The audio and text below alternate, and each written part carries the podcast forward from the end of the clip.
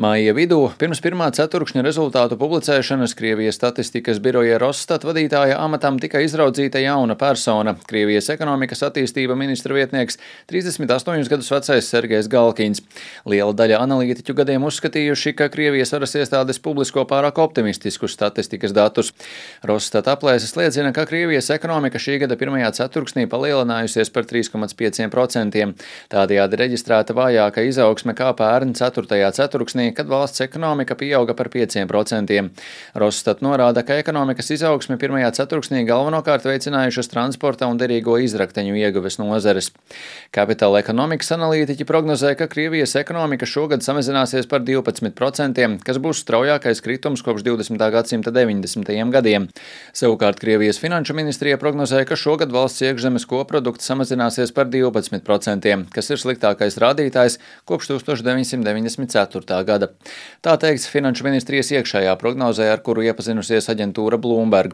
Nedaudz optimistiskākas prognozes ir Krievijas centrālajai bankai un ekonomikas ministrijai. Enerģijas ieņēmumi tagad veido 63% no federālajiem ieņēmumiem, salīdzinot ar 40% pērn aprīlī. Tas nozīmē, ka naftas un gāzes ieņēmumi kļūst vēl svarīgāki valsts budžetam. Laika gaitā ir palielinājusies un attiecībā pret ASV dolāru par aptuveni 30% pieaugusi rubļa vērtība. Komentējot rubļa nostiprināšanos, ekonomists un investīciju stratēģis Sergejs Suverovs interneta medijām Meduza komentē, ka tam ir trīs iemesli - rekordliels tirzniecības pārpalikums, valūtas ierobežojumi un bāzes likmes kāpums.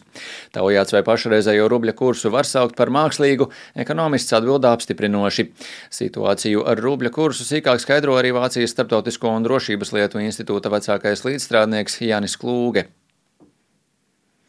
Pēc Suverova domām gada beigās rubļa kurs varētu būt ap 80 rubļiem par dolāru, piebilstot, ka arī ar stipru rubli inflācija valstī joprojām būs vidēji ap 20%. Bez stipra rubļa tā būtu vismaz 30 līdz 40%, bet Jānis Klūge uzskata, ka inflācija ir tikai daļa no problēmām. Tikmēr Krievijas propagandas medijos sankciju ietekme joprojām tiek noniecināta. Prezidents Vladimirs Putins uzsvēris, ka valsts ekonomika stabilizējas un inflācijas kāpuma temps ir palēninājies. Savukārt finanšu ministrs Antons Silvanovs sacīja, ka valdība ir veikusi atbalsta pasākumus, pateicoties kuriem sankciju dēļ ekonomiskā lejupslīde nebūs tik smaga, un jauni ierobežojošie pasākumi situāciju būtiski neietekmēs. Citējot ministru, mēs uzskatām, ka pirmais šoks ir pagājis, lai gan visas šīs sankciju paketes joprojām tiek gatavotas, un lai tās iet pie vēlna. Tiesa ir arī pesimistiskāki viedokļi. Piemēram, Krievijas satiksmes ministrs Vitālijas Saveļevs, kurš interneta medijām Medūza teicis, ka sankcijas praktiski ir salauzušas visu Krievijas loģistiku un valsts ir spiesta meklēt jaunus loģistikas koridorus. Vēl būtiski pieminēt arī parādsaistības. Lai gan rietumvalstu noteiktās sankcijas Krievijai lielā mērā izolējušas valsti no starptautiskās finanšu sistēmas, izņēmums pieļauts attiecībā uz parādsaistību maksājumu veikšanu. Tiesa šis izņēmums noteikts vien līdz šodienai, 25. maijam, jeb divas dienas pirms Krievijas nākamā parādsaistību maksājuma. Vēl pagājušajā nedēļā ASV finanšu ministre Dženeta Jēlēna paziņoja, ka ASV visticamāk atcels izņēmumu, kas ļauj Maskavai savas ārvalstu parādsaistības atmaksāt ar Krievijā turētajiem dolāriem. Jelena uzsver, ka Krievija šobrīd nevar aizņemties globālajos finanšu tirgos un tai nav piekļuve kapitāla tirgiem.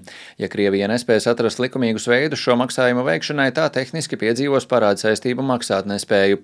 Brians Otūls, bijušais ASV valsts kases ārvalstu aktīvu kontrolas biroja vadītāja padomnieks, norādīja, ka ilgāk par diviem mēnešiem no defaulta Krievijai izvairīties būtu diezgan neiespējami. Rihards Plūme, Latvijas radio.